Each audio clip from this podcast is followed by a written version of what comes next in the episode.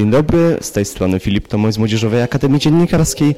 Jesteśmy obecnie w Pałacu Młodzieży na zajęciach plastycznych prowadzonych przez panią Annę Rejowską-Gumulak w ramach akcji Bezpieczne Wakacje. To na początek chciałbym panią zapytać, na czym polegają właśnie zajęcia prowadzone przez panią? W te wakacje prowadzę zajęcia architektoniczne i rysunkowe i podzieliłam sobie je na dwa takie bloki. Pierwszy blok y, y, stricte architektoniczny trwa przez dwa dni i oparty jest na takiej krótkiej prezentacji, którą przygotowałam, przybliżającą dzieciom temat architektury, czym ona jest, jakąś taką definicję, która byłaby dla nich przyswajalna, ponieważ uważam, że jest to ważne. Dużo się mówi o rysunku, o malarstwie, a ta architektura gdzieś spychana jest na bok.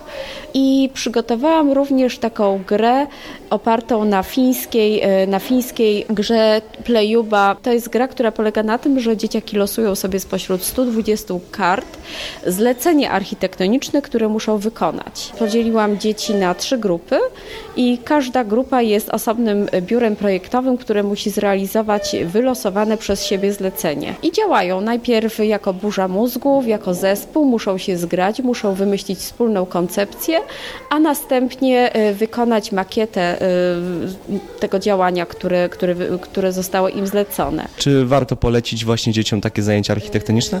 Myślę, że jak najbardziej warto, ponieważ y, architektura to jest coś, co nas otacza.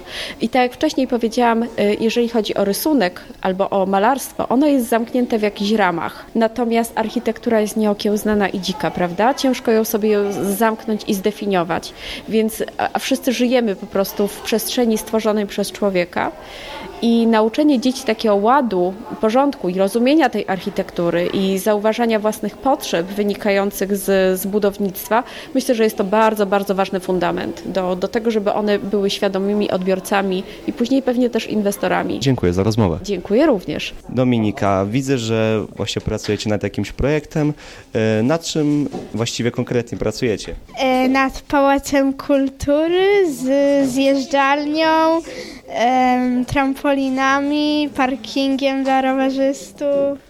Jakiś raz będzie koło Pałacu Kultury. E, food trucki będą, staw. Moja grupa pracuje nad y, o 7 domków jednorodzinnych. Tutaj y, mamy pomysł, żeby tutaj zrobić właśnie taką wieżę.